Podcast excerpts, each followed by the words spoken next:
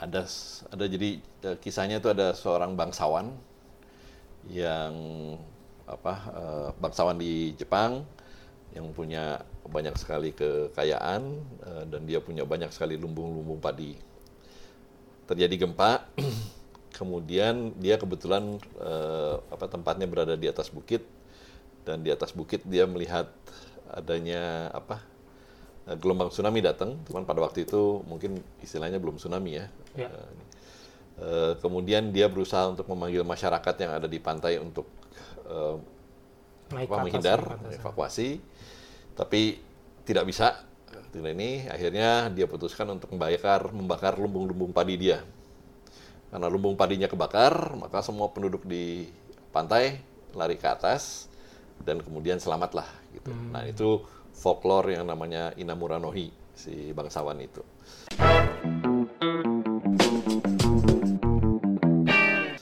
Welcome back to Bincang Bencana Podcast edisi spesial Hari Kesadaran Tsunami Sedunia 5 November 2019 bersama saya Rafli. Sekarang saya sedang bersama seorang program officer for disaster risk reduction and tsunami information dan coordinator of Indian Ocean Tsunami Information Center bersama Bapak Ardito Kodijat.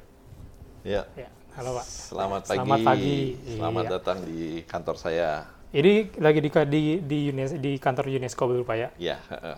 Oke. Jadi kita sekarang berada di UNESCO Office Jakarta. Oke, sip. Berhubung hari ini 5 November 2019 yaitu Hari Kesadaran Tsunami Sedunia nih Pak ya. Betul. Hari Kesadaran Tsunami Sedunia ini apa sih Pak yang melatar belakanginya nih? Jadi hari kesadaran eh, tsunami sedunia ini itu sebenarnya mulainya tahun 2016. Oke, 2016 dan itu ditetapkan setiap tanggal 5 November. Maka eh, waktu itu yang mem- apa, mempromosikan pertama kali adalah pemerintah Jepang. Jadi pemerintah Jepang mengusulkan ke yang kita punya namanya uh, United Nation for Disa- uh, United Nation Office for Disaster Risk Reduction. Jadi pemerintah Jepang mengusulkan untuk setiap tanggal 5 November maka seluruh dunia mengingat sebagai hari kesadaran uh, tsunami. Uh, latar belakangnya itu uh, pertama ya karena kejadian tsunami memang apa tidak sering ya. Ya. Jadi kan kalau uh, tsunami uh, nggak seperti banjir, nggak seperti itu yang datangnya apa Frekuen cukup gitu. uh, cukup reguler dan frekuensinya cepat. Tsunami itu sesuatu yang terjadinya uh, sangat jarang, mungkin uh, berapa tahun sekali atau dua tahun, tiga tahun dan nah supaya kita tetap ingat adanya tsunami maka pemerintah Jepang waktu itu mengusulkan ke UN untuk tiap tanggal 5 November sebagai hari kesadaran eh, eh, tsunami yang sebenarnya penekanannya lebih pada kesiapsiagaan. Oke, Eh, nah, idenya itu sebenarnya eh, juga dikaitkan sama pengetahuan tradisional yang eh, mungkin teman-teman pernah dengar yang namanya Inamura no Hi. apa itu? Jadi itu cerita di Jepang. Folklore gitu? Folklore, betul. Eh, folklore di Jepang yang eh, kemudian ada ada jadi eh, kisahnya itu ada seorang bangsawan yang apa eh, bangsawan di Jepang yang punya banyak sekali kekayaan eh, dan dia punya banyak sekali lumbung-lumbung padi. Terjadi gempa, kemudian dia kebetulan apa tempatnya berada di atas bukit dan di atas bukit dia melihat adanya apa gelombang tsunami datang, cuman pada waktu itu mungkin istilahnya belum tsunami ya. Ya. Eh, eh, kemudian dia berusaha untuk memanggil masyarakat yang ada di pantai untuk eh, Naik apa, menghindar, ke atas. evakuasi, tapi tidak bisa. Tidak ini akhirnya dia putuskan untuk membakar membakar lumbung-lumbung padi dia. Karena lumbung padinya kebakar, maka semua penduduk di pantai lari ke atas dan kemudian selamatlah gitu. Hmm. Nah, itu folklore yang namanya Inamura no Hi, si bangsawan itu. Nah, eh, jadi atas dasar folklore itu eh, tadi pemerintah Jepang kemudian mengusulkan tanggal 5 November dan itu kemudian diadopsi oleh UN dan akhirnya sekarang diadopsi di seluruh dunia biasanya tanggal 5 November Hmm. memperingati eh, Hari Kesadaran Tsunami Dunia. Oke, tapi kenapa em, landmarknya tanggal 5 November? Ada apa nih di tanggal 5 November? Apakah ada rapat tertentu saat tanggal 5 atau ada kejadian apa tanggal 5? Eh, sebenarnya pengusulan tanggal 5 eh, kenapa tanggalnya eh, sa- asumsi saya karena diperkirakan yang Inamuranohi itu tanggal 5 November Oh, gitu ya. Tapi kemudian eh, dan itu jadi pemilihan tanggalnya bukan bukan terkait sama satu rapat rapat tertentu, tapi lebih terkait sama tadi folklore tadi. Gitu ya. Hmm. Eh, kemudian tapi itu kemudian di, disepakati dan peringatan pertama 5 November itu tahun 2016.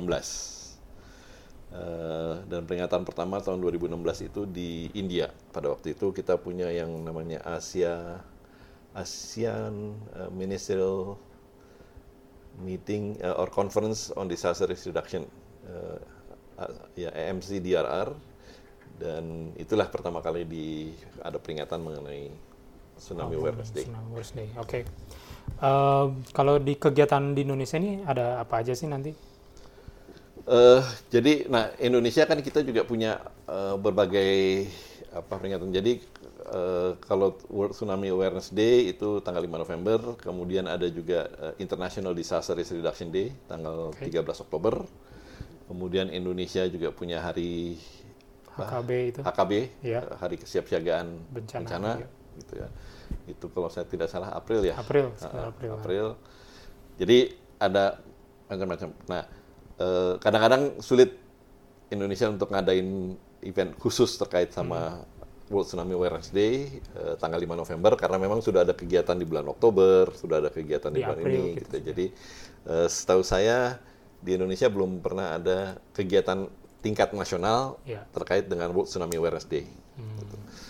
Eh, tentunya kita juga punya 26 Desember 2000 eh, 26 Desember itu kejadian tsunami 2004 Iya. dan itu biasanya juga dijadikan peringatan eh, yang cukup eh, dan itu kadang-kadang di tingkat daerah karena itu terjadi di Aceh ke- kadang-kadang nasional juga melakukan ini jadi eh, di nasional sendiri setahu saya dari 2016 sampai 2019 itu belum, ada, ada. kegiatan tingkat nasional Iya. untuk terkait sama World Tsunami Awareness Day Tapi kalau dari Tapi- UNESCO ada? di eh, dari UNESCO sendiri eh, di eh, kita melakukan kegiatan-kegiatan eh, apa eh, juga melakukan kegiatan kayak misalnya tahun ini tahun 2019 terkait sama World Tsunami Awareness Day dan juga terkait dengan peringatan 15 tahun eh, tsunami Aceh Indian Ocean maka kita akan mengadakan eh, international workshop di Indonesia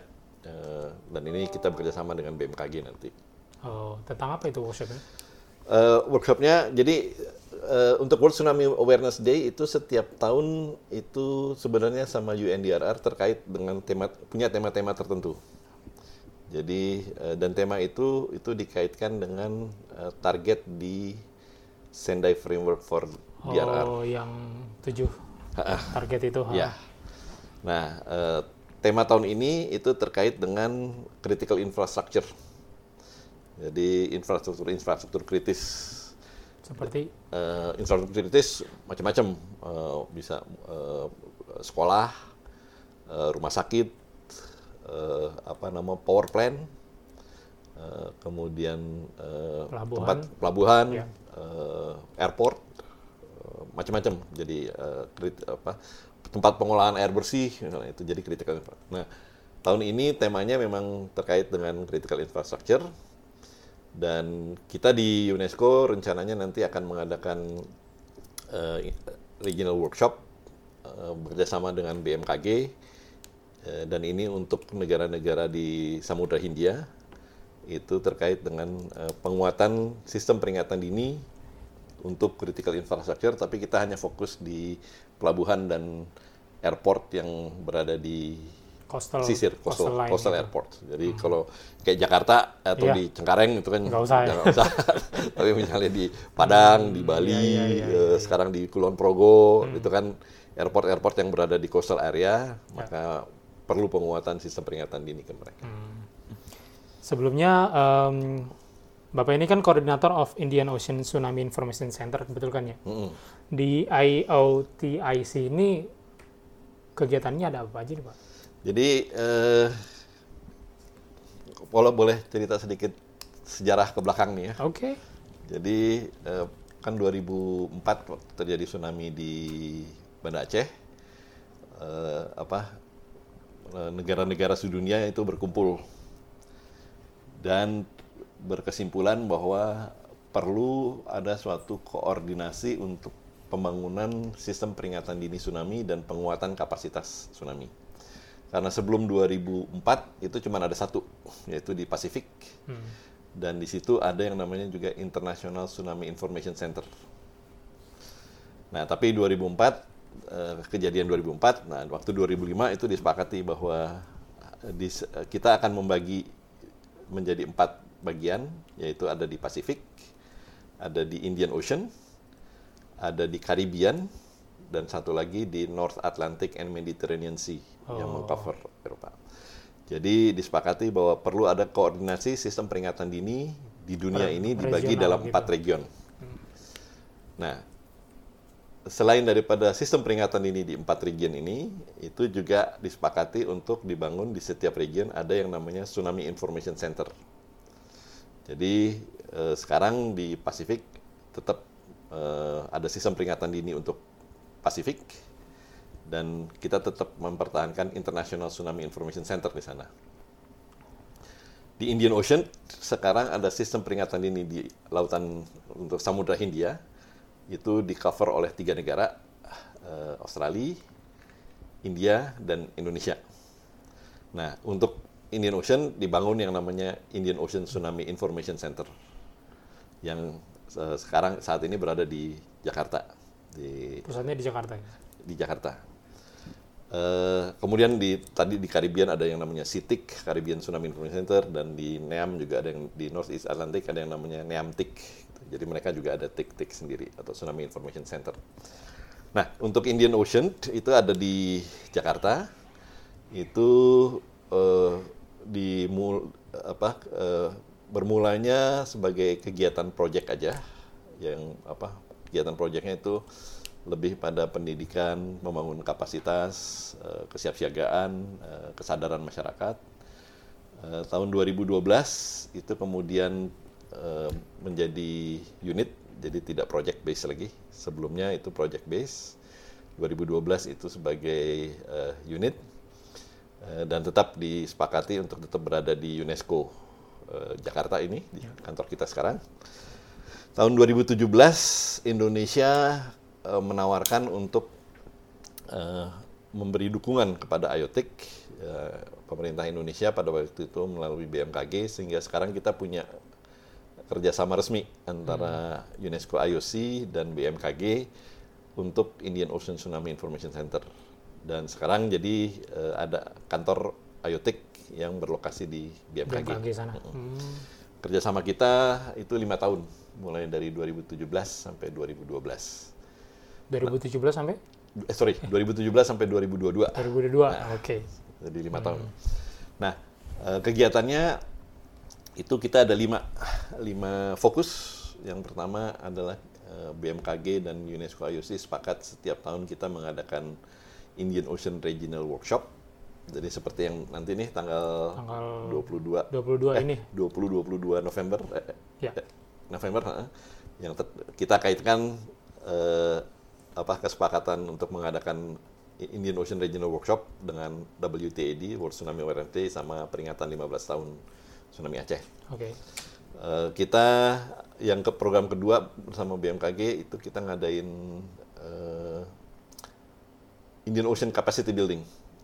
Nah, itu nanti terkait dengan tsunami ready. Oh, tsunami ready. Capacity oh. building ini dalam uh, membangun kapasitas betul ya? Betul.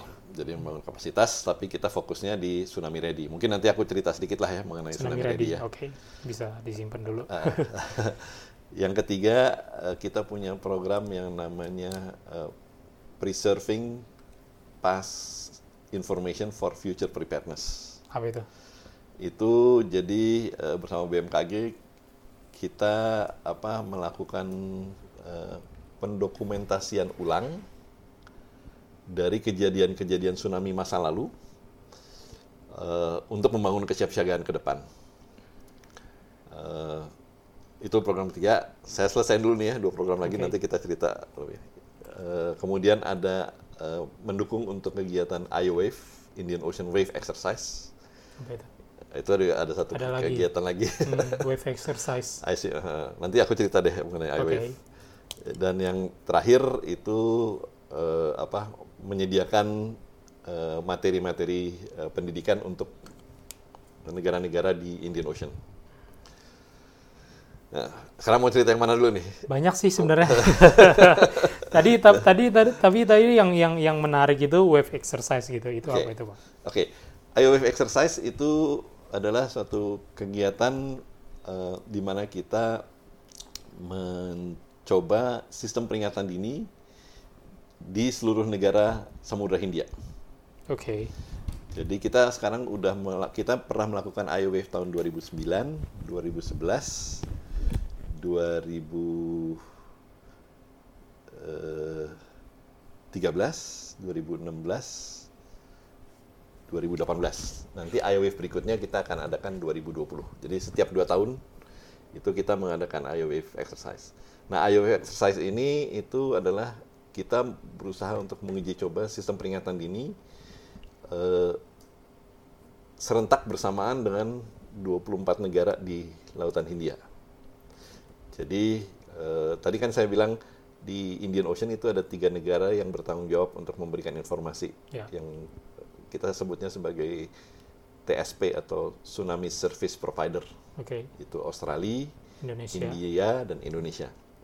Nah, dalam IOWF ini tiga negara yang bertanggung jawab ini itu kemudian secara simulasi dengan dengan skenario yang sudah disepakati itu memberi informasi seolah-olah terjadi tsunami yang bisa berdampak pada negara-negara tersebut.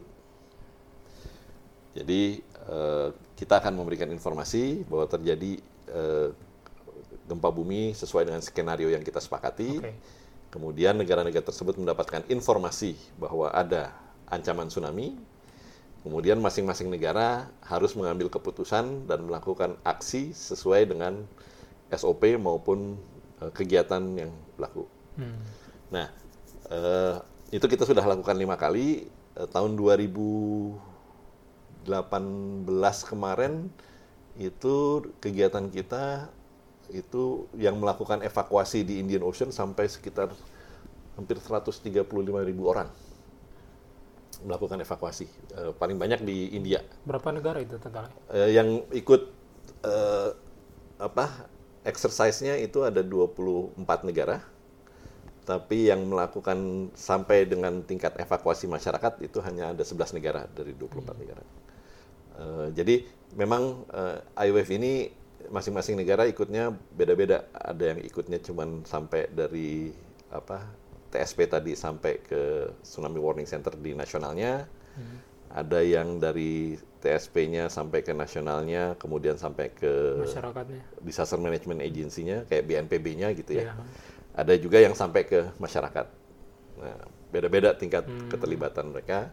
Tapi tahun 2018 kemarin 11 negara itu melakukan evakuasi sampai tingkat masyarakat dan total masyarakat yang melakukan evakuasi itu hampir sekitar 130 ribu orang. Lumayan masif juga Pak ya? Di Indonesia kalau nggak salah, eh, di Indonesia yang terlibat eh, cukup banyak eh, wilayah jadi uh, di pesisir Sumatera, Sumatera, gitu. uh, Sumatera kebanyakan ya. ya. Dan itu kalau saya tidak salah total Indonesia sekitar 5.000 orang melakukan evakuasi pada waktu kita melakukan IOWF exercise. Tahun 2018. 2018 kemarin ya. Nanti mau diadakan lagi nggak? 2020. 2020. Nah. Jadi setiap dua tahun sekali atau? Setiap dua tahun sekali. Dua tahun sekali. Ya. Hmm. Sebenarnya saran dari UNESCO IOC itu, jadi kita memang melakukan exercise setiap yang tingkat IOWave atau tingkat Indian Ocean itu dua tahun sekali. Uh, yang kita harapkan tentunya selang dua tahun itu ada national wave exercise, hmm.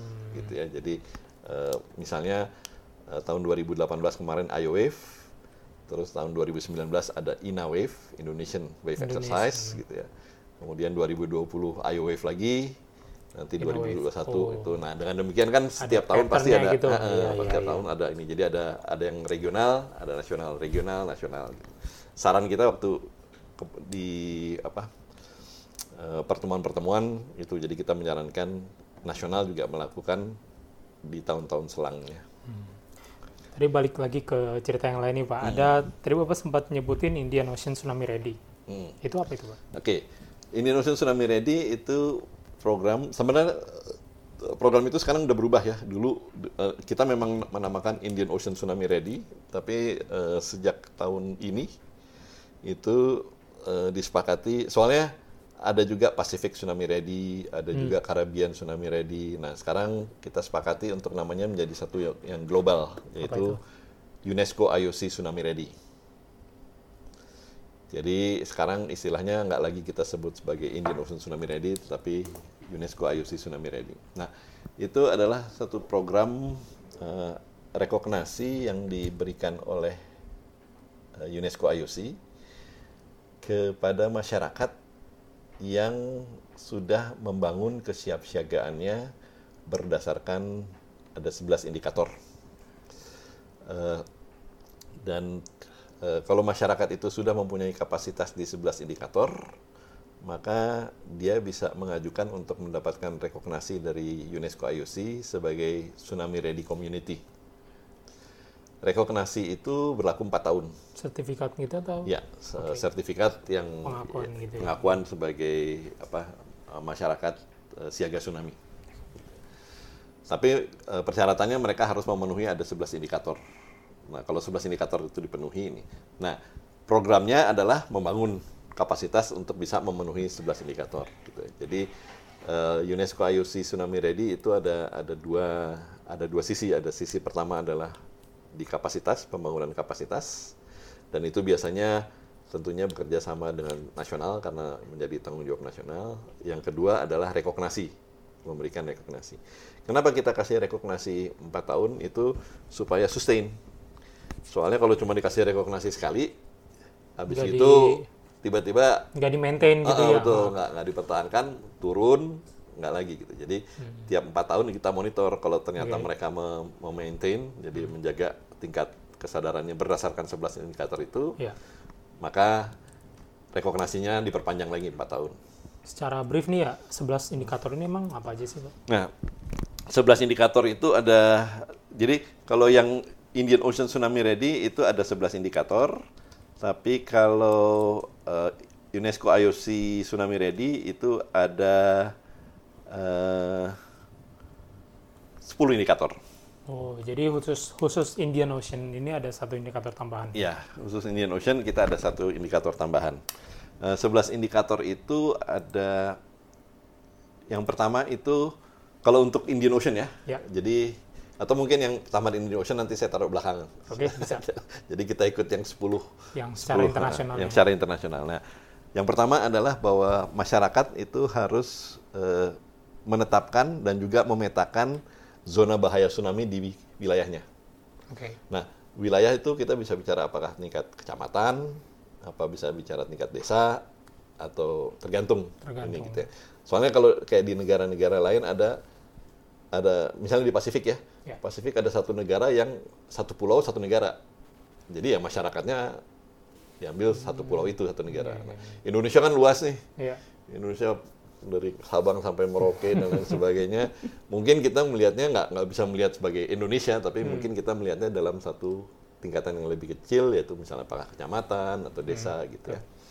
Jadi eh, kalau misalnya kita bilang lah contohnya desa gitu ya. Jadi yang pertama eh, desa itu harus menetapkan dan bisa memetakan bahaya tsunami di desanya tuh di mana, gitu daerah-daerahnya.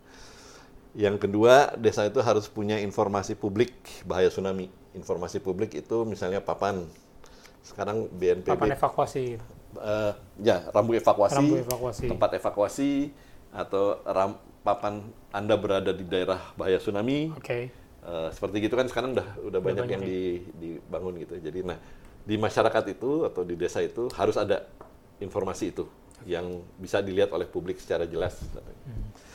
Indikator berikutnya mereka harus punya peta evakuasi. Eh, tentunya waktu kita bicara peta evakuasi harus tahu lokasi dan peta evakuasi itu harus berdasarkan pada uh, peta inundasi dan peta inundasi itu harus berdasarkan pada tadi um, peta bahaya, uh, tsunami modeling dan lain sebagainya. Gitu. Okay. Jadi peta evakuasinya itu benar-benar berdasarkan sesuatu yang saintifik lah hmm. basisnya. Uh, kemudian mereka punya materi kesadaran dan pendidikan publik itu indikator yang keempat. Uh, jadi materi pendidikan uh, tsunami itu harus sesuai sama kondisi lokal. Oke. Okay. Jadi kalau memang misalnya di di desa itu orang berbicara bahaya, bahasa lokal, maka materi pendidikannya harus dalam bahasa lokal bahasa juga. lokal, hmm. gitu ya.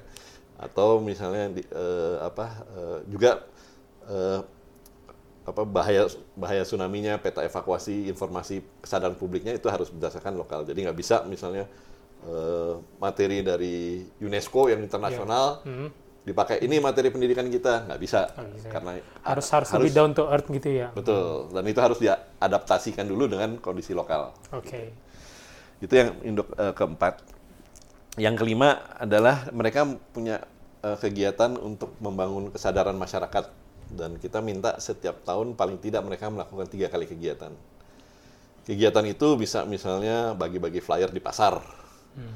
atau ada orasi di pasar, atau uh, kegiatan ke sekolah-sekolah di desa itu. Gitu. Itu bagian. Jadi mereka kita harapkan ada tiga kegiatan paling tidak sama.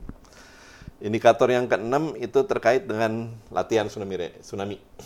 Jadi Dalam simulasi salah simulasi. satunya. Ha -ha. Nah, simulasi. Jadi paling tidak satu tahun sekali harus dilakukan simulasi uh, tsunami, khususnya untuk di daerah yang bahaya tsunami. Indikator yang ketujuh, tujuh dan delapan itu sebenarnya terkait dengan uh, respon ya. Jadi uh, yang ketujuh itu di, di daerah itu punya harus punya rencana uh, emergency, rencana tangkap darurat kalau terjadi tsunami. Yang berikutnya yang kedelapan itu uh, mereka harus uh, apa uh, punya dan committed untuk membantu pusdalop. Jadi kalau memang kita bicara tingkat kecamatan, maka di tingkat kecamatan itu harus komit akan membantu pusdalop dari BPBD, BPBD uh, kabupaten misalnya okay. atau kota gitu ya. Kemudian kalau indikator yang ke-9 sama ke-10 itu terkait sama peringatan dini. Jadi yang ke-9 itu mereka harus punya uh, moda untuk bisa menerima peringatan dini Salah Kalau di sini kan peringatan ini yang dikirim dari BMKG ya. Iya. Jadi misalnya mereka bisa mereka punya moda untuk menerima peringatan dini misalnya melalui SMS, melalui email, atau melalui WhatsApp, atau melalui aplikasi atau juga. tower gitu bisa juga. Nah, itu moda untuk uh, itu yang ke-10. Yang 10, yang 10 itu. itu kan tadi uh, jadi yang ke-9 itu menerima informasi, mm -hmm. yang ke-10 mendef, uh, mendesiminasikan informasi itu di kecamatannya. Hmm. Jadi untuk definisi kecamatan itu mereka bisa misalnya dengan menggunakan uh, sirene yeah. atau menggunakan apa uh, apa loudspeaker dari masjid atau menggunakan ini kalau di daerah lain ada yang modanya misalnya dengan uh, apa kendaraan yang pakai toa tuh oh, yang iya, iya. apa yang keliling, keliling gitu, ya. Jadi, pokoknya mereka harus punya moda bagaimana mereka bisa mendesiminasikan informasi peringatan dini itu di seluruh masyarakatnya. Kalau kita bicara desa ya seluruh desanya. Okay. Nah itu 10 yang internasional. Okay.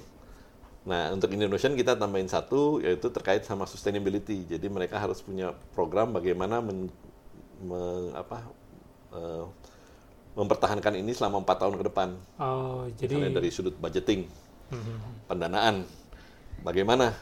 Soalnya kan kegiatan-kegiatan ini kan perlu dana kan tiap tahun, yeah. gitu ya. Dan dana tiap tahun itu kan ini tidak tidak dana yang dikasih pemerintah, tapi harus dari swadaya masyarakat. Mm. Jadi mereka harus ini misalnya, uh, misalnya nih ya di IPL apa uh, iuran masyarakat uh, setiap bulan ada lima ribu rupiah untuk mempertahankan untuk merawat misalnya merawat rambu rambu oh, evakuasi iya. gitu-gitu gitu ya. Jadi harus ada suatu mekanisme di mana masyarakat bisa menjamin apa e, mereka bisa menjaga dan memaintain ini selama berapa tahun ke depan. Jadi tadi ada 11 um, 11 indikator supaya sebuah komunitas atau sebuah desa, sebuah kecamatan itu bisa dikatakan tsunami ready gitu ya. Betul. Ya, nah, ada macam-macam nih, ini uh, apa namanya uh, indikatornya. Salah satunya adalah uh, adanya edukasi kepada masyarakat itu kan ya. Betul. Dan adanya rambu-rambu dan juga uh, tadi kayak tadi apa tower gitu kan, semuanya ada Itu gitu. tower jadi untuk, untuk apa? Mendemi, uh, deminisasi itu, Desiminasi. desiminasi. Oke. Desiminasi ke masyarakat. Tapi sekarang kita juga harus lihat apa mereka harus bisa mem- karena ini kan harus apa sustain jadi mereka Iya. harus uh, bisa Memaintain sesuatu yang bisa ini di ya. maintain kalau memang tidak bisa misalnya dengan tower tapi misalnya dengan kentongan Bisa oke it's gitu. okay gitu karena itu memang tradisional masyarakatnya seperti itu dan itu bisa dilakukan itu mudah dimengerti dan lain sebagainya gitu. jadi kita tidak harus selalu berpikiran suatu teknologi yang canggih Hmm. yang kemudian memerlukan biaya maintenance yang tinggi tapi kita juga bisa memanfaatkan cara-cara tradisional yang biaya maintenance-nya rendah sehingga keberlanjutannya lebih terjamin gitu. Hmm. Daripada kita bikin tower sirene Nggak nggak terawat gitu ya. nggak terawat setahun Iya. mati karena nggak punya ini tapi dengan cara yang tradisional mungkin bisa lebih sustain gitu. Intinya Iya. informasi harus tersebar ke seluruh masyarakat itu aja. Oke. Oke, Pak. Tapi nggak kerasa nih, Pak, kita udah 30 menit ini. di Iya. ini sama Sobat Disastrizen yang mungkin sekarang lagi dengerin di kantor, mungkin lagi dengerin di di rumah atau lagi jam break atau di mana atau di mana. Sebelum kita ending nih, Pak, ada closing statement nggak dari Bapak? Eh, closing statement mungkin terkait sama apa Iya. eh, World World Tsunami Awareness Day gitu Iya, ya. Jadi make it eh, saya rasa walaupun kita tidak mempunyai suatu kegiatan tingkat nasional, tapi eh, saya rasa penting sekali untuk masyarakat juga mengingat bahwa tanggal 5 November adalah hari kesiapsiagaan tsunami Ya. atau hari kesadaran tsunami internasional. Ya. Dan eh, apa pun, apakah ada kegiatan, kegiatan simple seperti gini nih kita ngobrol-ngobrol, Ya. ini sebenarnya udah udah sangat terkait dengan dengan World Tsunami Awareness Day Day, gitu. ya. Jadi bisa merupakan kegiatan kecil atau ini yang penting kita tetap harus ingat bahwa tsunami adalah suatu bahaya yang ada eh, di tempat kita dan untuk itu kita harus selalu Waspada. waspada, kita harus sadar bahwa kita berada di daerah yang rawan tsunami dan kita harus punya suatu langkah-langkah kesiapsiagaan apabila bahaya tersebut terjadi dan menjadi bencana. Betul. Salah satu cara untuk meng- mengedukasi diri adalah buka segabencana.com, Pak. Betul kan, Ah, Pak ya? Betul betul, Eh, saya setuju tuh karena Nah. banyak informasi pendidikan Oke. yang, yang sangat bagus di situ tuh. Oke, thank you, thank you. Nah, gini nih, Sobat Disastrizen, em, sebelum kita sebelum kita tutup sesi ini, jangan lupa follow sosial media kita di Facebook, Instagram, dan Twitter di @siagabencana. Saya Rafli bersama Bapak Adito Kodijat, pamit undur diri dan salam tangguh. Salam tangguh.